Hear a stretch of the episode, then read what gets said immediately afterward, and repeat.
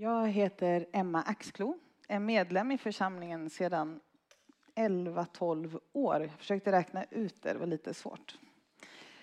Har förmånen att få vara en av sommarpredikanterna. Bor i nuläget i Skåne, i Veberöd, med min man och våra två barn, Arvid och Ingrid. Gör plats för Jesus. Så lyder sommarens uppmaning. Vad innebär det då? Vill jag det? Hur gör jag det och vad kostar det? Ibland känner jag att Jesus kanske borde göra plats för mig istället. Jag hörde en person säga att det är svårt att prioritera Gud när jag ofta känner mig bortglömd. Men den Gud jag tror på, han har aldrig lovat mig ett perfekt liv. Eller en tillvaro utan problem eller smärta. Men han har lovat att vara med mig. Så vem är han som kan säga det? Kan jag älska honom tillräckligt mycket för att göra plats för honom? Eller när jag är ensam, omgiven av människor, men jag känner mig annorlunda, för jag är inte som alla andra. Vad ger det mig att göra plats för Jesus? När jag ser allt jag går miste om, eller när jag jämför mitt liv på sociala medier med alla andra och ännu mer gånger konstaterar att livet är ju verkligen inte rättvist. Hur i hela friden ska jag göra för att få gemenskap? Eller hur ska jag göra för att få det liv som jag vill ha?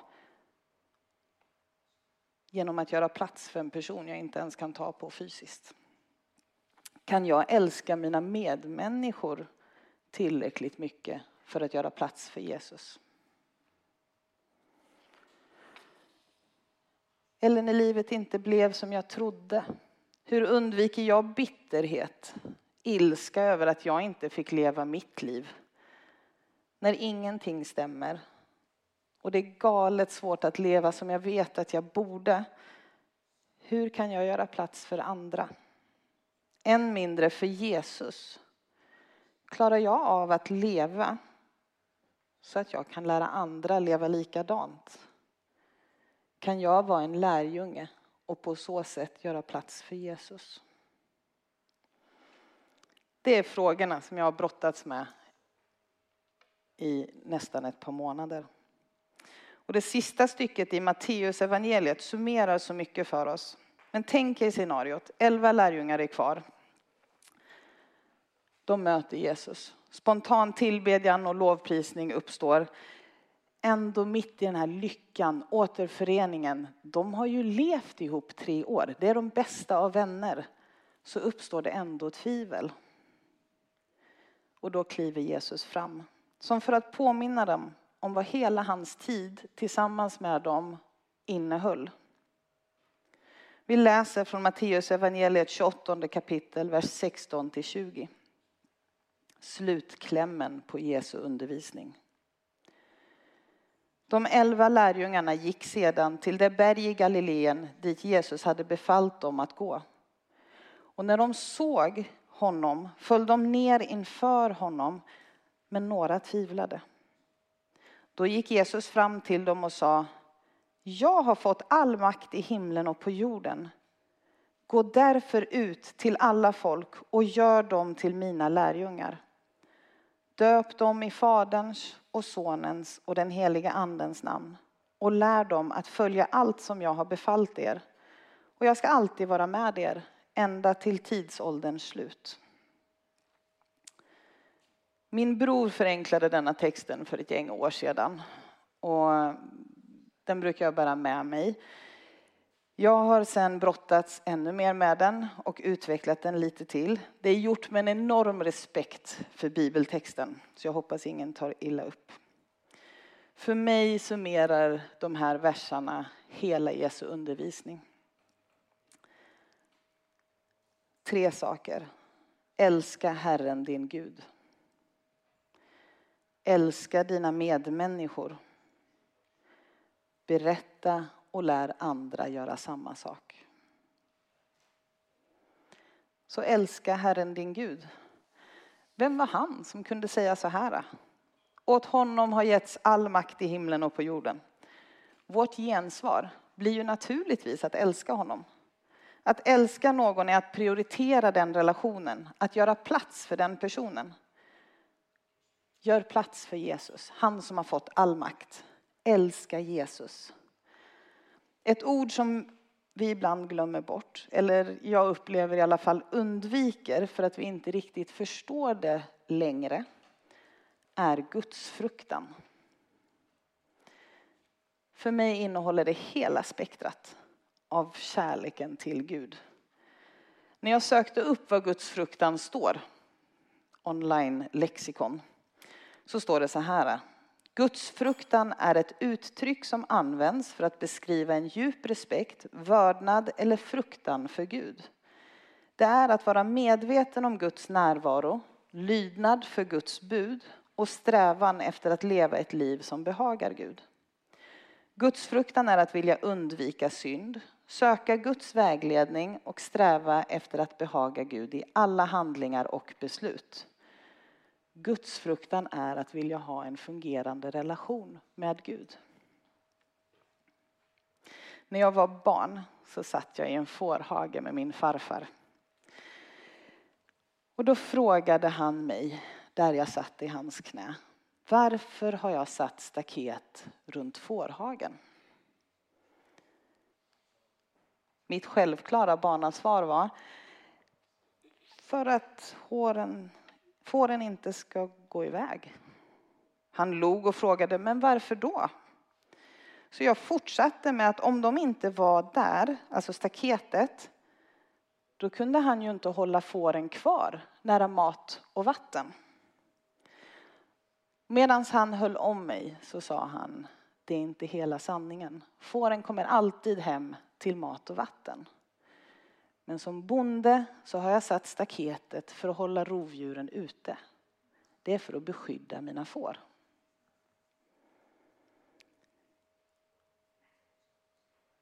För att koppla ihop det här. För några år sedan gjorde jag en hälsoresa och ringde lyckligt min psykolog. Lyrisk över att jag hade kunnat äta tio godisbitar utan konsekvens. Och hennes svar till mig fick mig tillbaks till den där fårhagen och det där staketet och ramarna som är satta. De sa, Emma jag förstår inte din reaktion. Jag trodde poängen var att lära dig leva så hälsosamt som möjligt. Att lära dig leva så nära Guds hjärta som möjligt. Inte att hitta hur nära ohälsans rand du kan befinna dig. Eller hur nära staketet kan vi vara utan att gå ut ur hagen.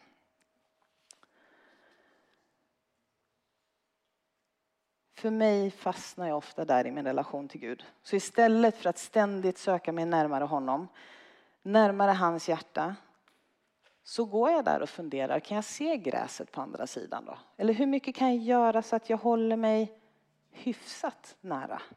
Istället för att sträva mot att lyckas med hjälpmedlen som Bibeln ger mig så tar jag dem antingen som en pekpinne. Det är ingen av oss som har upplevt någonsin att Gud säger mm. Eller så tänker jag att gör jag dem hyfsat så har jag i alla fall gjort dem lite. Och då är jag ju kvar i hagen. Men duger det?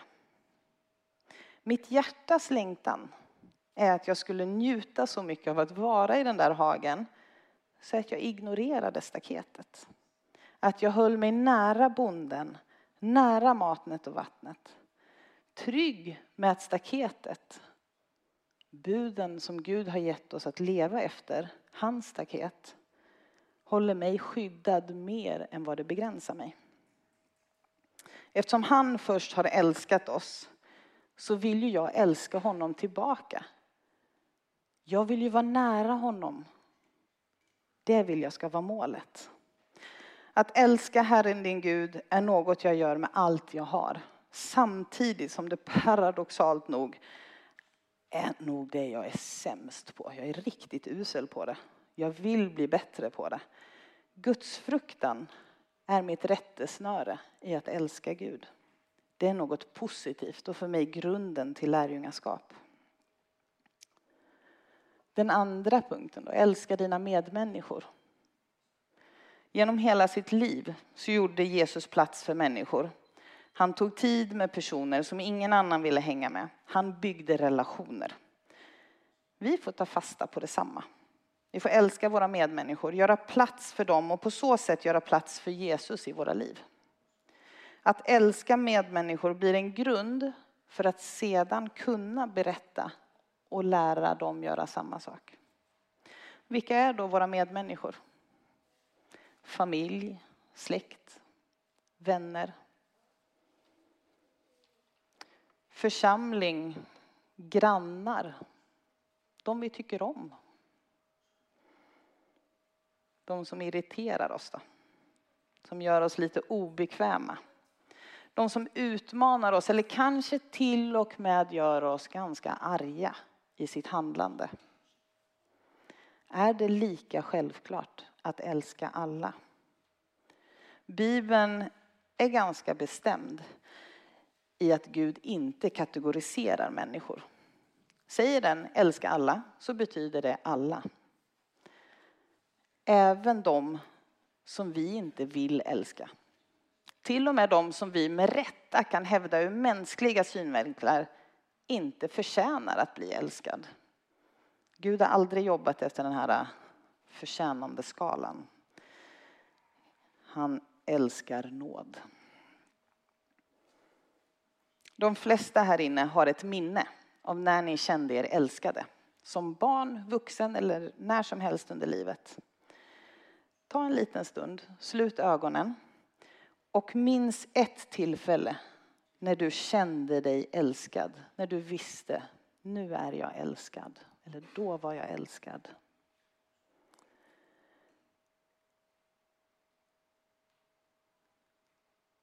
Det finns de som hävdar att vi har olika kärleksspråk. Man har kategoriserat in dem i, i olika saker som beröring, tid tillsammans, praktiska handlingar, verbal bekräftelse eller presenter.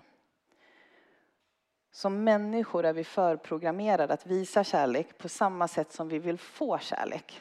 Det vill säga att man uppfattar en annan människas kärlekshandling bättre om den stämmer överens med ditt eget sätt att uppleva kärlek.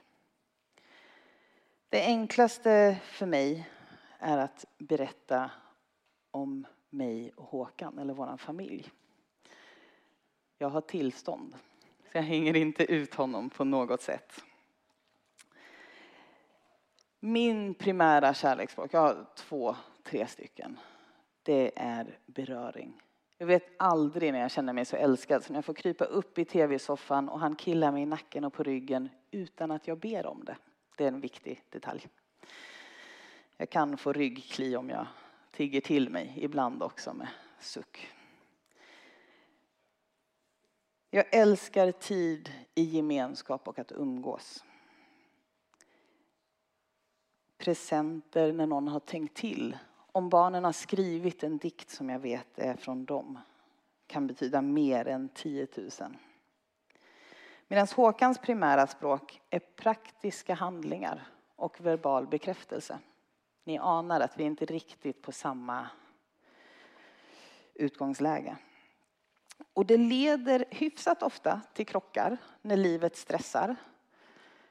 För ju mer stressade vi blir, ju enklare är det att visa kärlek på det sättet man vill uppleva det. Jag tror inte det finns något mer irriterande för honom än när han varm och jag kryper in till och blir så här, ska jag killa dig på nacken? Låt mig vara.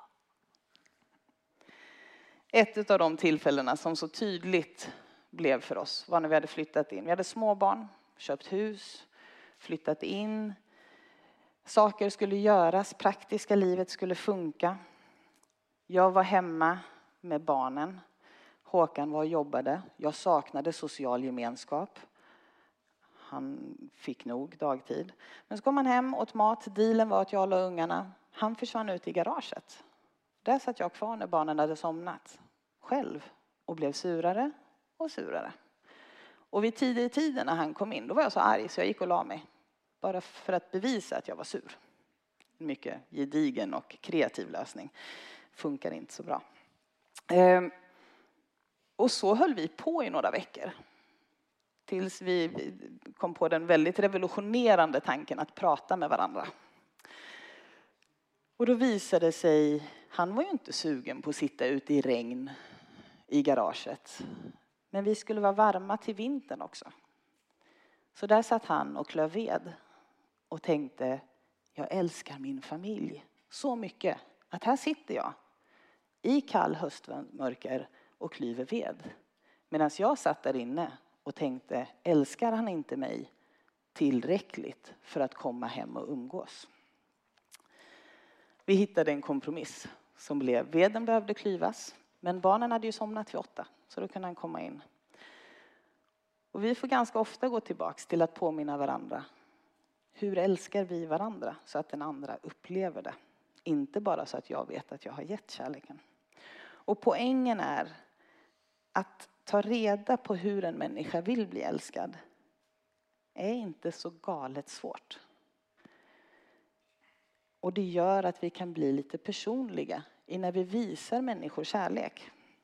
Det gör det lättare att älska sina medmänniskor. Problemet är att det alltid kräver att vi slutar sätta oss själva i första rummet. Det kräver alltid att först prioritera någon annan. Och det är en viktig del i lärjungaskapet, att älska andra på samma sätt som Kristus älskade oss. Så om vi ska berätta och lära andra göra samma sak. När jag aktivt lever mitt liv efter en linje, söker mig närmare honom, närmare bonden, då blir det ju ringar på vattnet. Och jag får berätta för andra om honom. Och tillsammans med andra, tillsammans med er, vandra i lärjungaskap. Kanske är det den mest utmanande.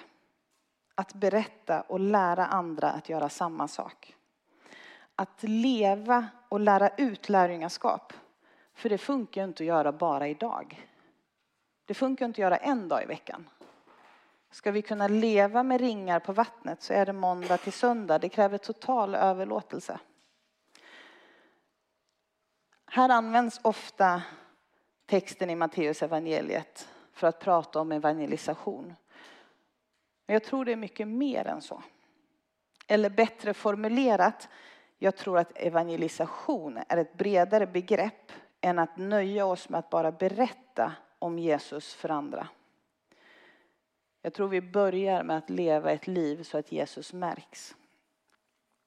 Till exempel i Lukas evangeliets tionde kapitel så lär Jesus oss att be för dem vi vill nå, att umgås med dem, att möta deras behov innan vi predikar evangeliet. Vi märker om och om igen i Jesu undervisning hur han instruerar lärjungarna i att dela evangeliet, i hur man delar evangeliet. Så det är inget kreativt nytänk från mig att jag har lagt in den här. Jag tror att Jesus sista ord till lärjungarna där på slutet är livsuppmaningen, livsinstruktionerna i buljongtärning. Det är det sista han har att säga. Det är summera. Vad har de hållit på med i tre år?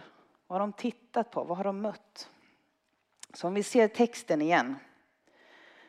Då gick Jesus fram till dem och sa jag har fått all makt i himlen och på jorden. Gå därför ut till alla folk och gör dem till mina lärjungar. Döp dem i Faderns och Sonens och den heliga Andens namn.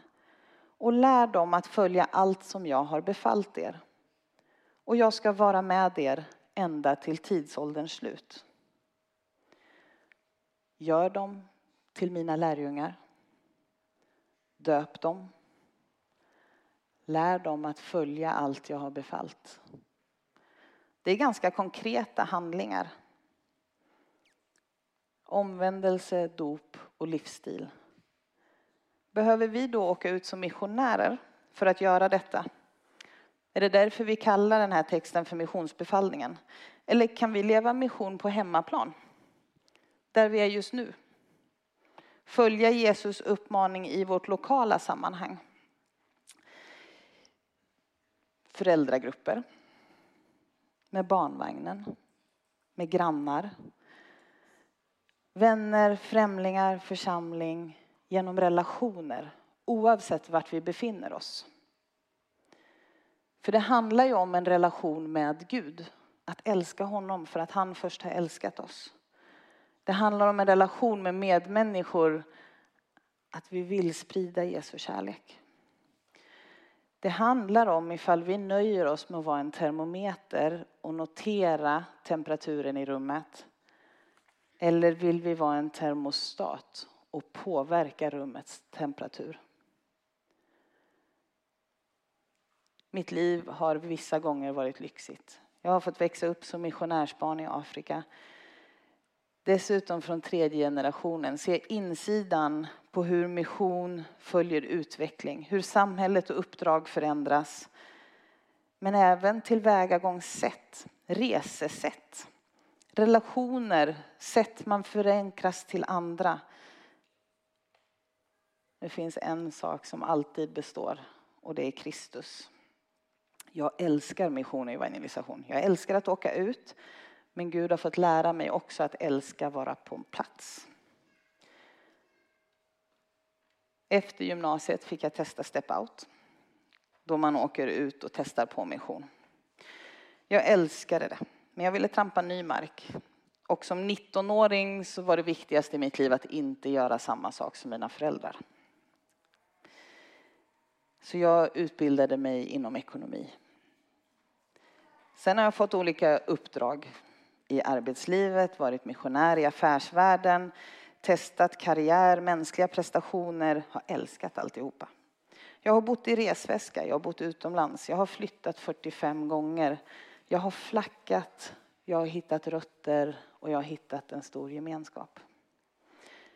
Betyder verkligen inte att livet har varit enkelt eller spikrakt. Betyder inte att jag har slutat snubbla eller skrapa knäna, vare sig andligt eller fysiskt. Jag har levt igenom att mitt liv har kastats omkull fler gånger än jag kan räkna upp. Jag har gråtit och skrikit åt Gud. Och i besvikelse undrat varför har inte jag fått det livet som jag vet att jag skulle haft? Varför fick inte jag leva det jag hade förberett? Att om och om igen hantera lägen där livet totalt raseras. Det tärde. Speciellt när jag försökte hantera det utan Gud. Och ärligt, jag saknar fortfarande svar på varför det inte blev som jag förberedde. Eller varför det kanske blev som det skulle fast jag inte förstår svängarna som togs. Det mest spännande är att idag känns inte de varför så viktiga. Jag kommer säkert förstå det någon gång i himlen och då kommer jag med största sannolikhet inte bry mig. Det jag vet som är viktigt för mig, Gud älskar mig. Han älskar mig oavsett om jag har fått tala till folkgrupper som aldrig har träffat honom. Han älskar mig när jag har fått vara med föräldralösa barn på missionsfältet. Han älskar mig när jag har suttit med regeringsrepresentanter i olika länder. Han älskar mig när jag har missionerat i affärsvärlden. Han älskar mig när jag har legat fast på sjukhuset och inte ens kunnat träffa min familj. Jag vet att han har älskat mig genom depressionens djupaste dalar och genom livets stora misstag. Och jag vet att han älskar mig trots att jag ofta lyckas såra mina vänner och inte räcker till själv. Jag vet att han till och med älskade mig när jag gick runt på skånska landsbygden med en barnvagn och kände mig övergiven för det här var ju inte det livet jag skulle ha.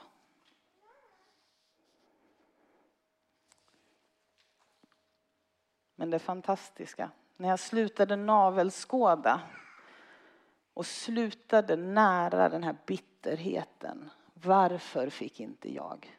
Utan istället kunde se blicken kunde förhöjas. Se Jesus och ställde frågan, vad kan jag göra här med en barnvagn i gympaskor. Då fick jag börja uppleva hur det var att leva med Kristus. Istället för vad jag nu höll på med. Då fick jag börja erfara vad var det att tillhöra en gemenskap. Fick lära mig att vara svag betydde inte att jag var värdelös. Det betydde bara att jag var mänsklig. Att lära mig säga tack till hjälp som erbjöds.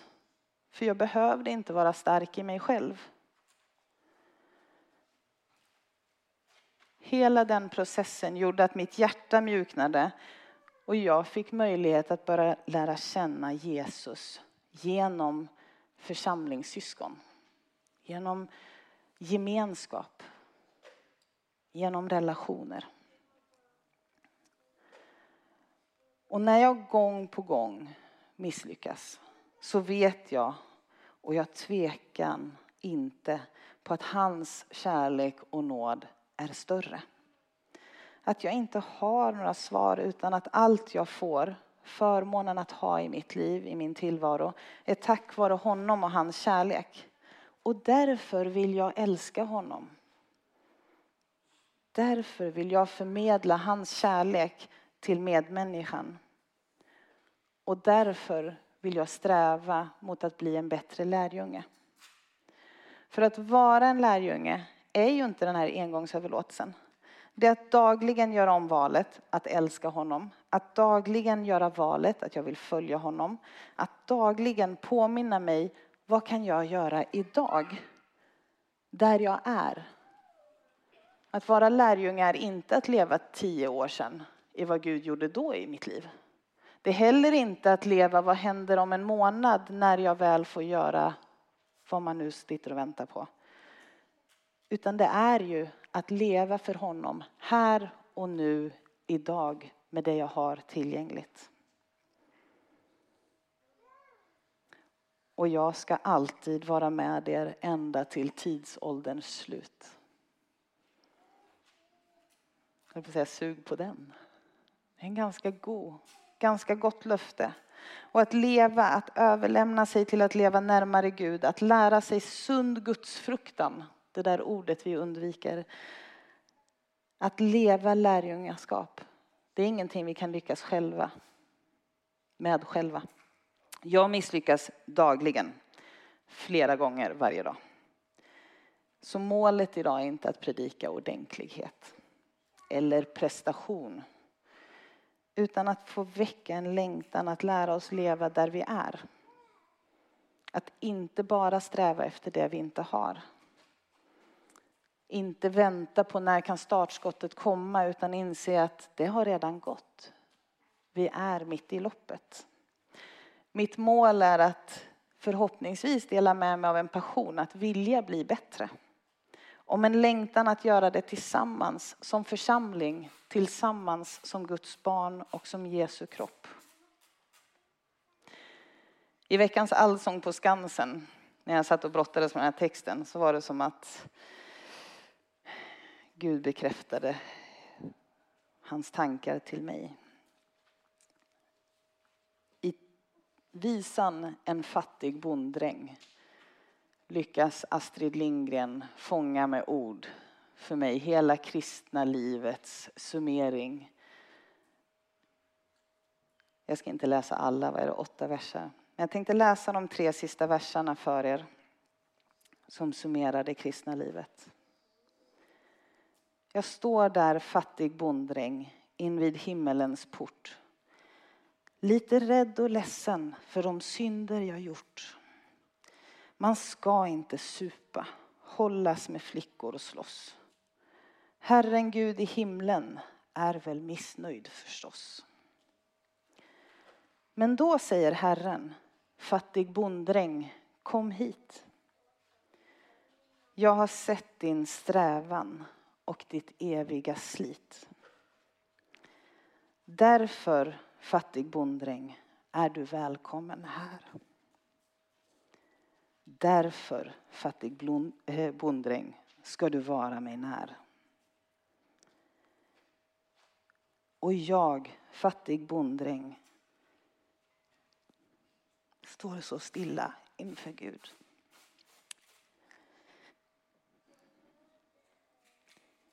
Och sen klär han på mig den mest snövita skrud. Nu du, säger Herren, är ditt arbete slut. Nu du, fattig bonddräng, får du vila ut. Det är min längtan. Han är med oss till tidens slut. Men det är han som sätter på oss rätt skrud. Det enda vi behöver göra är att älska honom. Att vilja leva nära honom. Att längta efter honom. Så jag tänker, är du här som vill ha den där nytändningen? Oavsett vilken del det gäller i lärjungaskapet. Att få älska Gud mer intensivt. Att älska dina medmänniskor på ett bättre eller kreativare sätt. Vill du bli frimodigare att berätta för andra och leva ett lärjungaliv som smittar av sig.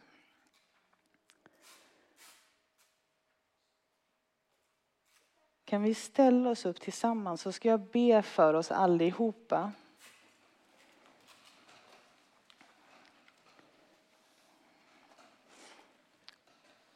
Lägg gärna en hand på ert hjärta om ni vill vara med. Det är helt okej att inte vara det. Så ska vi be.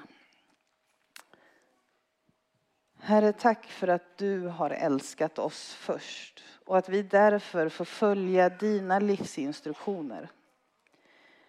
Väck i oss en större längtan efter dig. En större kärlek till våra medmänniskor. Herre, gör oss frimodiga att tala om dig till vår omgivning. Hjälp oss att i gemenskap leva och utvecklas som lärjungar. I Jesu namn. Amen.